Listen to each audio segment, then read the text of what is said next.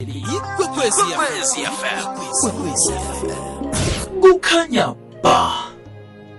Hashtag 34 years kukhanya ba. Lisumi lemzuzu nemthandathu ngemva kwesimbi yesumi sibuye endabeni zephasi nakezamva nje zemidlalo. Sithokoza usesithembi noboholo obeka no-bmt. Kurag ihlelo elithingi mnawe emhatsheni omkhulu kokwezi FM emoyeni ngubusayi. Lotshani ngapho ngeteksini. Lotshani ekhaya lotshani ngema-ofisini. Lotshani ongilalele ngama-headphones mhlawumbe usesibhedlela ungilalela usesibhedlela namkhana nawo usemsebenzini. Noma uyazikhamba-khambela ngiba utsheje inkolo yangitsho ngen-12 bekubezini 19 kiyo inyanga lekantaka inyanga yamalungelo obuntu esewula afrika yi-glucoma awareness week esewula afrika. Kanti-ke esifundeni sempumalanga emnyangweni wezamaphilo sikhamba noma u-eugene mubi ozosazisa ngeglucoma lekuthi iyini iyenzani ithintana njani nokuthi umuntu abe akhubazeke? Ngokungaboni sesi-eugene lotshani Sawubona sikunjani? sikhona ninjani nina Siyaphila. siyathokoza ukukhuluma nawe elangela namhlanje sikho usitshele ngeglucoma yini oh. Okay sisi. Njengoba busushilo ukuthi iviki le-glaucoma from the 12th until the 18th of March is uh, celebrated internationally. So i-glaucoma esingokusho nje nge- nge- ngelimi lesilakithi ukuthi i-high blood yamehlo. oh. so inkinga evela emehlweni lapho kulimala khona umthambo lo ohambisa im- imlayezo kusukela elihlweni uye engcondweni lesiyibiza ukuthi i-optic nerve. Okay. Ithinta abantu abanjani? Mhlambe sebaluphele noma ngabathinta nabantu abasesebatsha? Iya kakhulukhulu sithi iqala kakhulu kulaba abangathi sebabadala from the age of 65 kodwa-ke ingaqala noma usesemncane depending ngokuthi iqala kanjani but most of the time i-affecta kakhulu abantu asebangathi badala Mm. kusukela nje ku-65 years. Ibangelwa yini mhlambe? I- kunemihlobo emini sithi esingakhuluma ngayo. Mhm.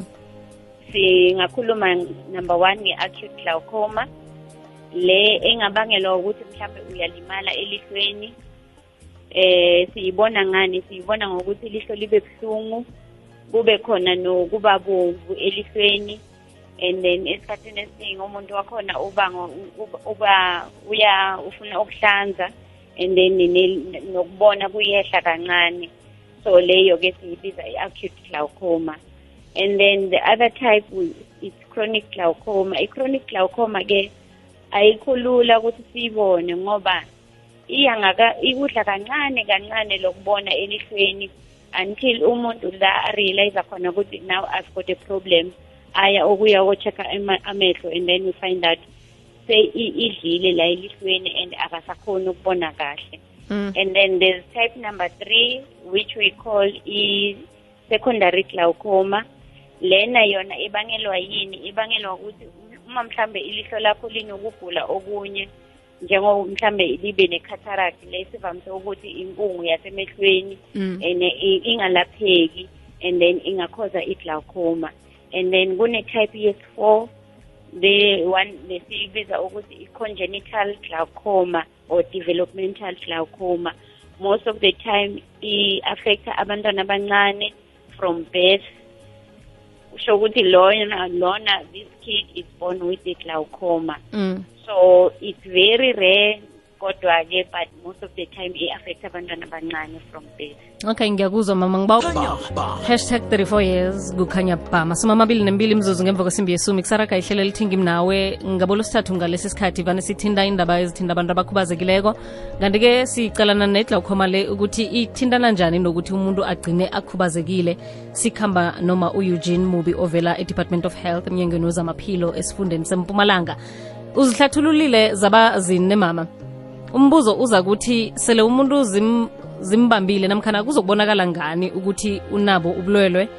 Khona-ke nesele abonileko isizo likhona na? Namkhana uzokugcina vele vele kuthiwa awukazokubona emehlweni? Ngiyabonga sisi um njengoba sesiyishilo sithi sina imhlobo eyi-four. Le yokuqala i-acute glaucoma ingcono yona ngoba kuba ne-pain and uma kuba ne-pain naleli hlo liba bovu so uyabona ukuthi ngine-problem. And then sowuyaya-ke uya e- e- e- emtholampilo bayalixilonga ilihlo ba-check-e ne-pressure and then leyo-ke nge-treatment iyakhona ukulapheka. And the other type the chronic glaucoma which is very serious and si- si- sinokusho ukuthi ibulala ilihlo kancane kancane wena ungaboni. Because ay- ay- ay- akukho buhlungu la elihlweni. And akukho ukuba bovu kolihlo. No- nokubona kuya ngokuncipha kancane kancane kancane. And uma sowuya ekliniki or emtholampilo uba nokuthi sowuyabona ukuthi ayi engathi angisaboni kahle. Yima seyiqalile seyiyadla.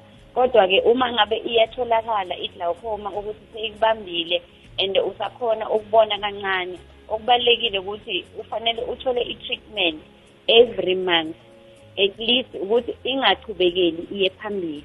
Ukhone lokukubona okukhona okusele kungavele kuphele konke. So esikhathini esiningi-ke kufanele ukuthi at least kabili emva kweminyaka emibili uye njalo uyohlola amehlo. So ukhona lukhona usizo sisi uma ngabe ilihlo lakho lingakafi ukufa ngoba angisho siyahlala singayi emtholampilo aze agcine angasaboni amehlo. So uma uqala unothisa ukuthi amehlo ami engathi anenkinga kubalulekile ukuthi uye emtholampilo bawa-check-e amehlo. And then si-check-e ukuthi akusiyo yini i-glaucoma because akusiyo yodwa i-glaucoma e-affecta amehlo. Mm.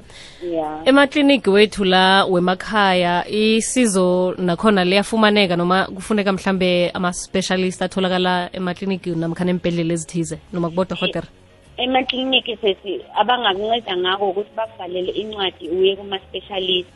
Ah, ngingabala nje ibhedlela esinazo empumalanga emadistrictini enkangala lapho kukhona khona amasizo wamehlo i-midlibek i-witbank imametlakhe egersibande i-emelo ibhetali umbhuleni i-ivenda ehlanzeni sinetonga ishongwe imatikwane mapulaneng robs tember hospital and sabi. So amaklinikini abangakunceda ngako ukubhalela incwadi yobona ama-specialist cause it's only specialist who can assist you. Oh okay. Kodwana kukhona mhlambe ebangakulapha ekliniki nawuthi heyi amehlo amayangirara naka. Mhlambe babone-ke kuthi lokhu akuhloga ama-specialist bangakulapha ukuhambe uye ekhaya. Kuyi-glaucoma akukho lula ingaka bangaka ngoba kunama-test ekufanele ba- ba- bakutheste uku-check-a ukuthi yiyo noma akusiyo. So emaklinikini wethu ba- kukhona ama- ukugula kwamehlo abangakulapha kodwa-ke i-glaucoma kufanele vele ubone u-specialist. Kuzwakele. Mhlambe-ke i- i- ngenzeka iglawukhoma leyo inginobangela ukuthi abanye abantu bangaboni ephasina?